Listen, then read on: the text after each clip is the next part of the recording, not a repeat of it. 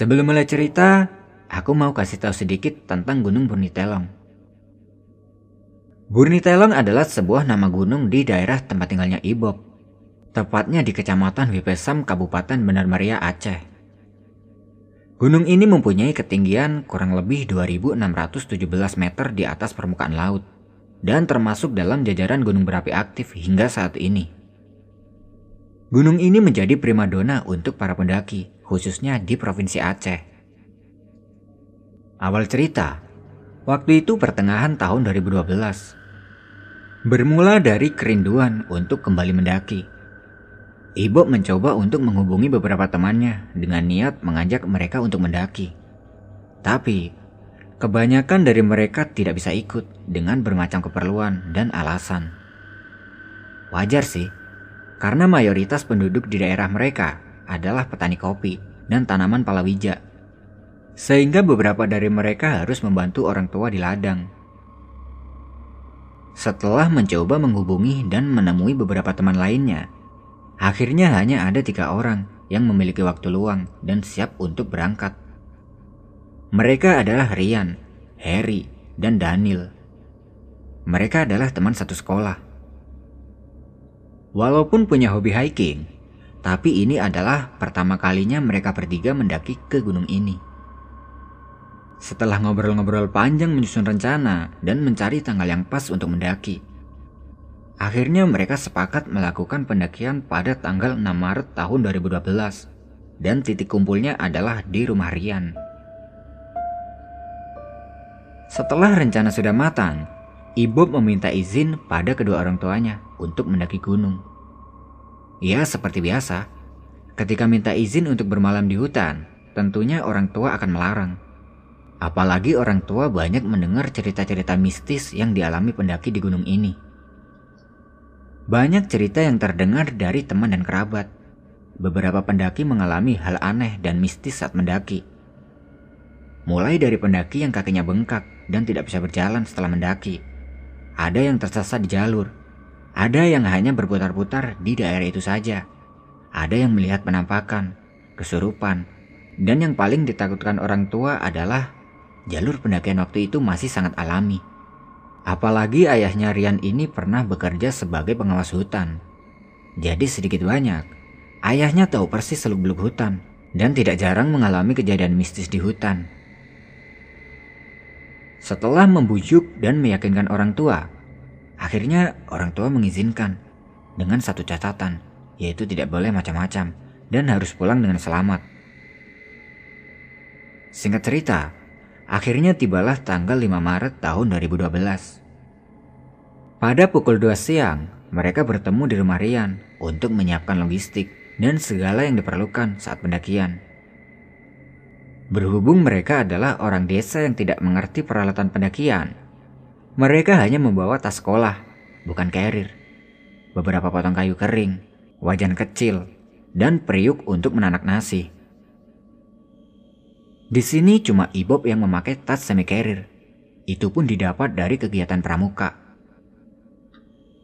Setelah semua sudah selesai, mereka pun beristirahat, mengumpulkan tenaga untuk esok hari. Pagi pun tiba. Setelah selesai sarapan, mereka meminta izin pada kedua orang tua Rian, lalu bergegas mengendong tas dan membawa beberapa perlengkapan untuk berangkat. Perjalanan ditempuh menggunakan motor. 15 menit kemudian, mereka sampai di tempat pendaftaran, yaitu di rumah ketua pemuda desa setempat. Desa terakhir yang terletak di jalur pendakian gunung itu. Nama desanya adalah Desa Bandar Lampahan. Sesampainya di situ, mereka menemui ketua pemuda desa tersebut untuk meminta izin mendaki, dan mereka juga sudah mempersiapkan beberapa logistik untuk diberikan pada beliau dengan tujuan agar izinnya dipermudah. Sebelum diberi izin, beliau sempat sedikit menahan mereka untuk tidak mendaki di hari ini dikarenakan ada musibah di daerah tersebut. Beliau bilang, "Kalau bisa jangan hari ini ya mendakinya." Loh, kenapa begitu, Pak? Kakek yang biasa tempat titip motor, tadi subuh anaknya meninggal. Tapi nggak dikubur di kampung sini. Dikuburnya di kampung halaman kakek itu. Jadi kakek itu tidak ada di rumah. Nanti nggak ada yang jagain motor kalian. Oh, nggak apa-apa pak. Udah nanggung juga, udah sampai di sini. Logistik juga udah dibawa. Nggak mungkin lah kami pulang pak. Jawab Ibob membujuk beliau. Setelah sedikit berpikir dan melihat mereka udah niat banget untuk mendaki.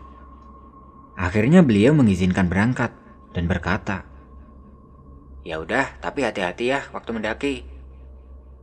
"Siapa?" Jawab kami dengan semangat. Setelah mendapat izin dari beliau, akhirnya mereka pun bergerak ke rumah terakhir tempat biasa pendaki menitipkan kendaraan. Karena kakek tersebut tidak ada di rumah, akhirnya mereka meletakkan kendaraannya itu dan meninggalkan sepucuk surat izin dan menyelipkan uang 20 ribu rupiah di bawah pintu rumahnya sebagai tanda terima kasih. Waktu menunjukkan pukul 9 pagi. Mereka pun berdoa, kemudian mulai melangkahkan kaki melewati jalan di tengah-tengah tanaman tembakau milik kakek itu. Setelah melewati tanaman tembakau, mereka disambut semak ilalang yang cukup tinggi, hingga membentuk seperti gerbang sepanjang 5 meter. Setelah itu, baru trek didominasi hutan jalur pendakian. Setelah sampai di tempat yang sekarang disebut pintu rimba, mereka mohon izin pada para penghuni hutan dengan mengucapkan salam, kemudian lanjut berjalan. Setelah masuk di pintu rimba itu, Salah satu temannya yang bernama Daniel sekilas melihat ada sosok orang tua dengan pakaian serba putih, berjanggut putih, sambil membawa tongkat. Dia sedang mengawasi perjalanan mereka. Sebenarnya waktu itu Daniel ingin bilang ke teman-temannya, tapi tidak jadi, karena dia mengira itu hanya perasaannya saja. Akhirnya Daniel mengabaikannya dan tetap lanjut berjalan. Setelah satu jam berjalan, sampailah mereka di pos 1. Di situ mereka istirahat sejenak untuk mengisi botol air di mata air yang letaknya kurang lebih 200 meter menurun di sebelah kiri jalur pendakian. Setelah semua wadah sudah terisi penuh, mereka melanjutkan perjalanan menuju ke pos 2. Sekitar 2,5 jam perjalanan, mereka sampai di pos 2. Sesampai di situ mereka berhenti untuk makan siang. Berhubung mereka sudah menyiapkan bekal makan siang, jadi mereka tidak menghidupkan api untuk memasak dan menyantap bekal yang dibawanya itu. Setelah perut terisi dan tenaga kembali pulih, tiba-tiba udara mulai terasa dingin. Ibob mengeluarkan jaket dari dalam tas dan memakainya, kemudian melanjutkan perjalanan. Perjalanan dari pos 2 menuju pos 3, trek semakin curam dan licin. Hanya ada akar pohon yang menjadi pijakan dan pegangan untuk mendaki. Pukul 3 sore, mereka sudah sampai di pos 3, yaitu pos terakhir. Di situ mereka memutuskan untuk beristirahat sejenak, menyiapkan tenaga sebelum melanjutkan ke jalur pendakian yang semakin curam. Selama perjalanan dari titik awal pendakian menuju pos 1, pos 1 menuju pos 2, pos 2 menuju pos 3, itu tidak ada kendala sama sekali dan semuanya berjalan lancar. Dari pos 3 ini, trek bebatu dan curam serta semak belukar berwarna hijau keputih-putihan sudah mulai terlihat. Hingga membuat hati merasa senang dan ingin segera melanjutkan perjalanan. Di ketinggian sekitar 2300 sampai 2400 mdpl, ada semacam goa yang terbentuk karena longsoran batu besar hingga membentuk goa segitiga. Goa itu bisa digunakan sebagai tempat bermalam pengganti tenda yang letaknya tidak jauh dari puncak. Karena waktu itu tidak ada pendaki lain, ya karena memang masih jarang banget ada pendaki. Akhirnya mereka sepakat untuk bermalam di goa tersebut. Setelah setengah jam beristirahat, mereka kembali melanjutkan perjalanan. Dan di sinilah semua bermula. Ketika melangkahkan kaki keluar dari hutan, ibu merasa ada sedikit hawa yang berbeda. dan belum pernah dia rasakan saat pendakian sebelumnya. Tapi dia mengabaikannya. Dalam hati dia bilang, "Ah, mungkin hanya perasaanku saja." Setengah jam berjalan, mereka beristirahat di sebuah tempat yang lumayan datar, tepat di antara hutan. Sambil duduk dan menikmati sebatang rokok, mereka melihat ada sebuah batu besar yang tertutup lumut dan beberapa tumbuhan gunung. Karena iseng, Rian berkata, Le, kayaknya batunya ini aneh. Kayak ada bentuknya. Le adalah panggilan mereka kepada Ibob. Sambil merokok, Ibob menjawab, Ah, masa sih? Biasa aja itu. Karena penasaran, mereka berempat membersihkan lumut-lumut yang menempel di batu itu. Ternyata benar. Apa yang mereka lihat itu sedikit membuat mereka heran. Pasalnya, batu tersebut berbentuk seperti tempat duduk, atau kursi, atau mungkin singgah sana. Ibob tidak mau berpikir aneh-aneh. Ya, itu mungkin faktor alam yang membuat batu tersebut berbentuk seperti itu. Karena keunikan batu tersebut, mereka menyempatkan bergaya dan mengambil beberapa foto menggunakan HP jadulnya. Setelah puas berfoto-foto, di situ mereka kembali melanjutkan perjalanan. Terus berjalan sambil menikmati keindahan alam yang ada.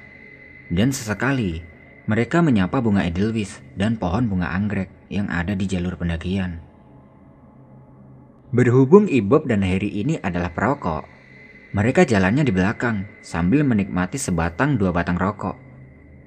Karena jalur pendakian terlihat jelas dan hanya ada satu jalur, Ibo mengizinkan Rian dan Daniel yang tidak merokok agar berada di depan dan menegaskan pada mereka berdua untuk mengikuti jalur dan jangan berbelok atau keluar jalur atau ke arah mana pun. Sekitar pukul setengah enam sore, tiba-tiba kabut tipis mulai berhembus menyelimuti. Rintik-rintik air pun turun menemani langkah kaki mereka. Dan dari kejauhan, Goa sudah mulai terlihat. Daniel dan Rian yang sudah di depan langsung bergegas menuju ke goa itu. Sedangkan Ibu dan Harry tetap berjalan santai sambil menikmati rokok. Ketika jarak Ibu dan Harry sudah mulai mendekati goa, ya sekitar 150 meter. Dari tebing di depan goa, terlihat Rian dengan baju berwarna putih berdiri dan memanggil Ibob dan Harry sambil dia melambaikan tangan. Woi, cepat sini lari. Kami udah sampai di gua. Ibu menyahut dengan hanya mengacungkan jempolnya.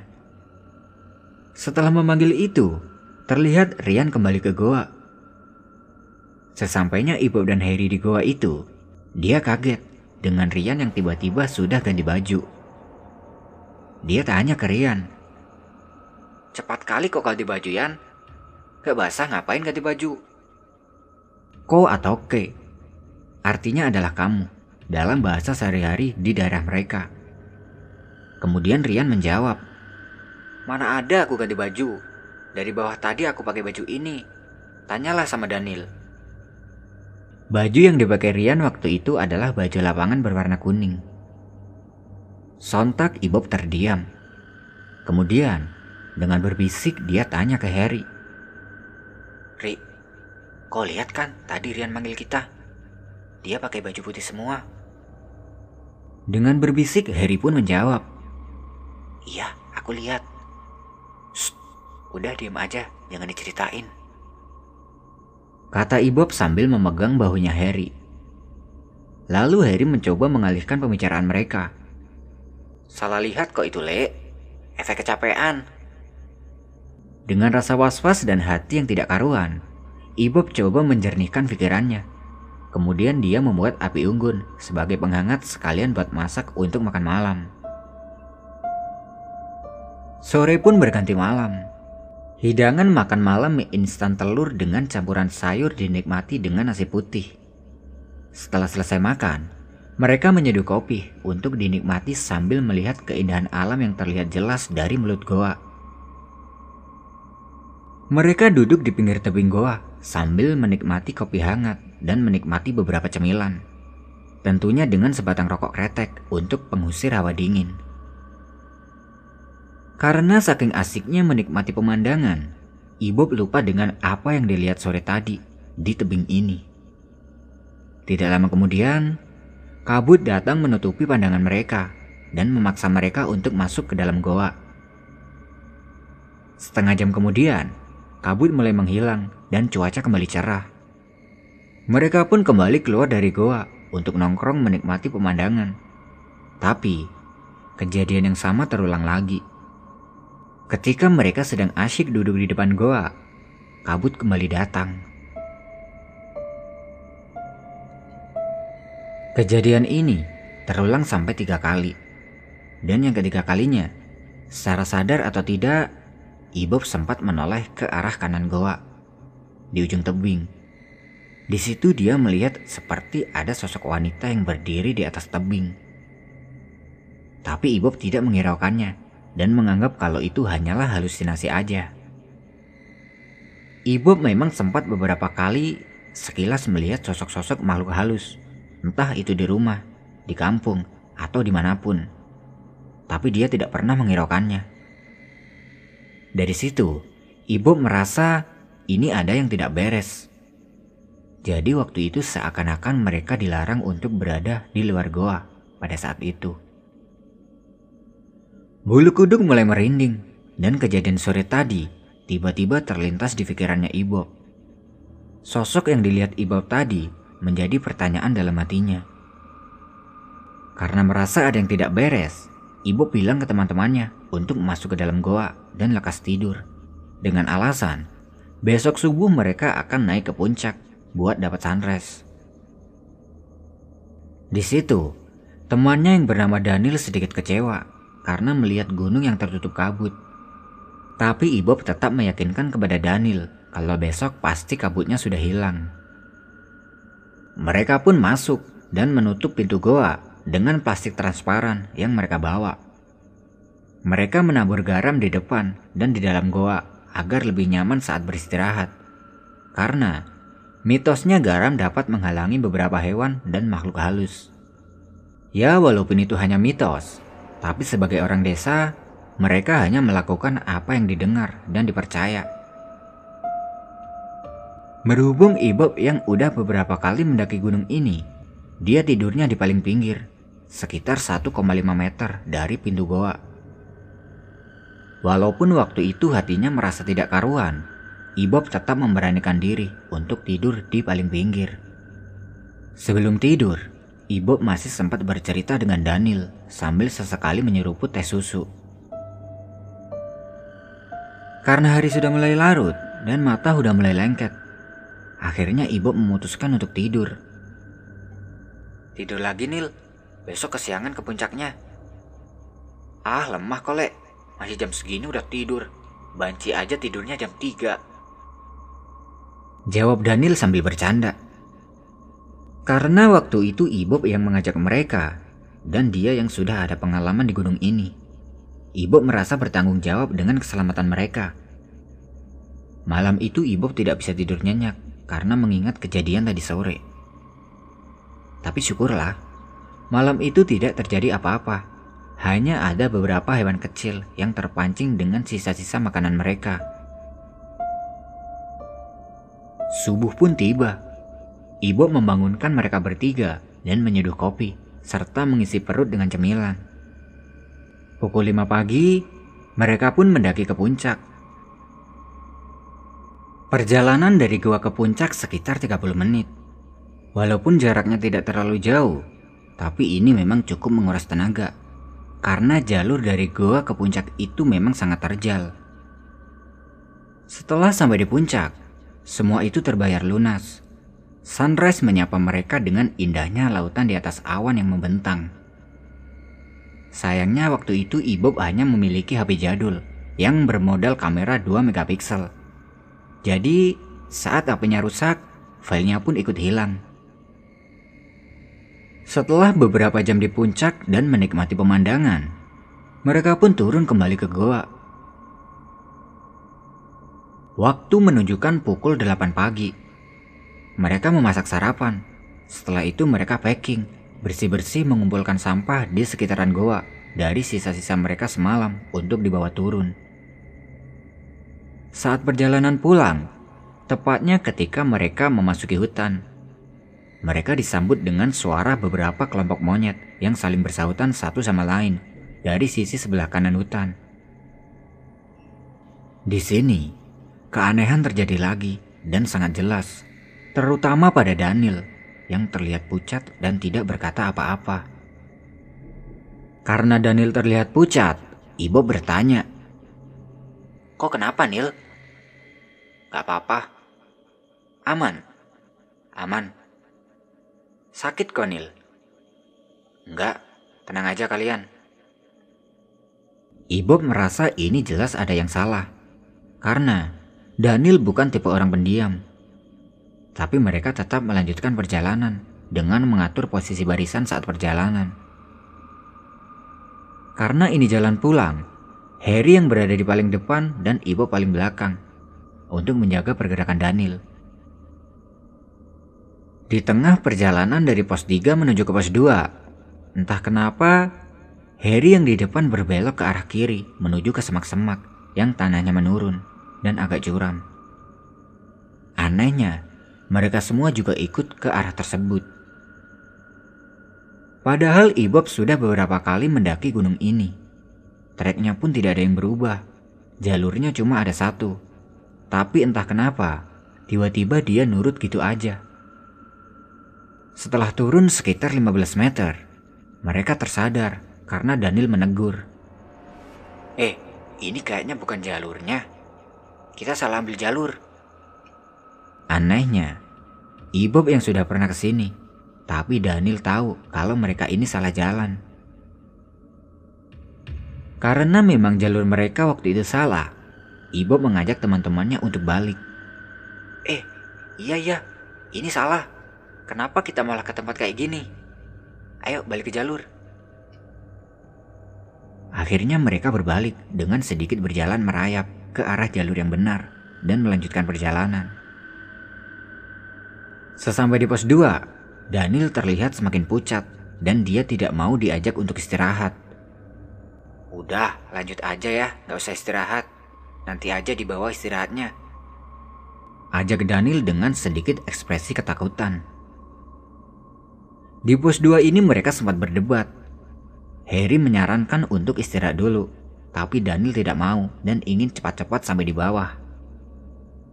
Kok kayak gitu? Bagus istirahat dulu lah kita. Kalau udah enakan badan kok, itu baru lanjut lagi kita turun. Kata si Harry. Kemudian ibu menyahut.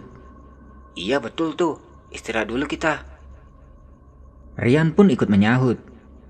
Cepat gerak cepat sampai kita, biar makan kita di bawah. Udah terasa perutku ini. Ibu menyahutnya lagi. Ya udah, oke okay lah. Kita lanjut. Tapi kalau kau rasa nggak sanggup, jangan dipaksa ya. Bilang sama kami ya Nil. Akhirnya mereka tidak jadi istirahat dan tetap melanjutkan perjalanan dan hanya berhenti sebentar-sebentar kalau ada daerah yang sedikit datar. Berhubung stok air sudah habis, setibanya di pos satu mereka beristirahat untuk mengambil air. Daniel yang wajahnya semakin pucat, dia hanya duduk tertunduk diam dengan tatapan kosong bersandar di salah satu pohon karena khawatir, Ibu bertanya pada Daniel. Nil, kok sakit? Kalau sakit bilang, jangan diem aja. Tapi Daniel menjawabnya dengan ketus. Enggak, udah ambil airnya cepat. Lalu Ibob turun untuk mengambil air ditemani dengan Rian. Sedangkan Harry, dia tetap di posisi untuk menjaga Daniel takutnya terjadi apa-apa. Setelah mengambil air, mereka pun melanjutkan perjalanan. Sesampainya di pintu rimba, tiba-tiba Daniel menahan mereka semua dan mengambil sepotong kayu sambil berkata, Pegang kayu ini sama-sama. Untuk apa, Nil? Udah pegang aja. Mereka semua menuruti kata-kata Daniel dan memegang kayu yang diambil Daniel tadi. Kemudian, dia lanjut dengan kata-kata yang buat bulu kuduk merinding. Siapa pun yang mengikuti kami cukup sampai di sini aja. Terima kasih kalau memang berniat menjaga kami. Setelah itu dia melempar kayu tersebut ke arah semak-semak yang berada di belakang mereka. Sontak ibu bertanya, Kenapa Nil? Nanti aku ceritain pas di bawah. Dengan rasa was-was dan hati bertanya-tanya, mereka lanjut perjalanan menuju ke rumah kakek tempat mereka menitipkan motor. Saat keluar dari ilalang tinggi yang berbentuk seperti gerbang itu, hawa dan suasana langsung berubah drastis. Dari hawa yang tadinya menyeramkan, sekarang sudah biasa dan hati terasa plong dan tidak ada beban. Sesampainya di rumah kakek yang sekarang menjadi base camp, dengan wajah yang mulai terlihat segar, Daniel membuka pembicaraan. Kalian mau tahu kenapa aku diam aja dari tadi? Dan kenapa aku ambil kayu dan ngomong kayak tadi? Kenapa emangnya Nil? Sahut kami semua. Daniel akhirnya menjelaskan apa yang dia lihat selama perjalanan pulang. Jalan pulang tadi, dari awal masuk hutan kita diikuti sama sosok kakek-kakek berpakaian serba putih, dengan jenggot dan rambutnya juga putih. Sosok kakek itu juga membawa tongkat kayu di tangannya, mirip kali sama Kiai. Tapi kayaknya beliau nggak ada niat ganggu kita atau celakai kita. Dan yang anehnya, kalau kita lari dia ikut lari. Kita jalan, dia ikut jalan. Kita berhenti, kakek itu juga ikut berhenti. Tapi kakek itu tetap jaga jarak sekitar 3 meter dari kita. Kalau kita berhenti, kakek itu tetap berdiri memandang ke arah kita. Aku mau kasih tahu kalian, tapi seolah mulutku ini tertahan untuk bicara. Kayaknya kakek itu jagain kita. Jelas Daniel. Waktu di pos satu tadi, Kakek itu berdiri di belakangku, di dekat pohon besar. Sambung Daniel. Bulu kuduk benar-benar merinding. Badan terasa lemas mendengar penjelasan Daniel. Apalagi saat berjalan tadi Ibob lah yang posisinya di paling belakang. Berarti dia yang paling dekat dengan sosok kakek yang dilihat Daniel itu. Akhirnya Ibob juga buka suara tentang apa yang dilihatnya sore kemarin tentang Daniel yang tiba-tiba memakai baju serba putih dan memanggilnya dari tebing goa. Jadi, selama perjalanan itu mereka dijaga oleh orang tua yang mengenakan baju serba putih itu. Gak tahu kenapa kakek itu menjaga mereka. Berhubung mereka ini baru pertama mendaki gunung, akhirnya ibu bertanya ke mereka sambil bergurau. Gimana? Kapok nggak naik gunung? Dengan kompak mereka menjawab. Enggak lah, kecuali diganggu sama penunggu situ terus kita nggak bisa pulang. Ya aku nggak mau lagi. Jawab Daniel sambil tertawa. Akhirnya kami pulang ke rumah dengan selamat dan dengan perasaan yang campur aduk. Dan di situ Ibu mengambil kesimpulan bahwa kakek itu sedang melindungi perjalanan mereka dari gangguan jin lain penunggu gunung ini. Intinya, tidak semua jin itu jahat dan tidak semua jin itu punya niat untuk mengganggu kita. Semua tergantung niat kita. Kalau niat kita baik, maka baik pula yang akan didapat dan sebaliknya. Ketika kita memiliki niat yang buruk, maka buruk pula yang akan kita dapat. Beberapa tahun kemudian, mereka berempat sudah jarang berkomunikasi karena mereka sudah sibuk dengan pekerjaan masing-masing. Ibu merantau ke Pekanbaru. Dani lulus sebagai abdi negara. Dan Harry, dia tetap di kampung, tapi dia sudah menikah dan memiliki anak. Rian juga pergi merantau jauh ke Bali. Karena tuntutan pekerjaan itu, mereka belum bisa kembali mendaki bersama lagi. Juni 2019, Ibu pulang ke kampung dan mendaki gunung yang sama dengan teman lainnya. Setelah tujuh tahun berlalu, suasana yang dia rasakan sangat berbeda saat mendaki. Sekarang sudah dibuka untuk umum, sudah dibangun base camp, sumber air sudah berpindah dari pos 1 ke pos 2, dan ada drum penampung air. Suasana sudah tidak sealami dulu lagi. Dulu, seakan gunung ini milik mereka, tapi sekarang udah milik bersama. Perjalanan pulang dan pergi selalu bertemu dengan pendaki lain, dan sudah terdapat papan penunjuk jalan. Bahkan bunga edelweiss yang dulu menyambut dan menemani perjalanan, kini seakan bersembunyi di semak belukar. Mungkin akibat longsor yang terjadi karena gempa, atau mungkin akibat ulah tangan-tangan jahil manusia yang serakah memetiknya.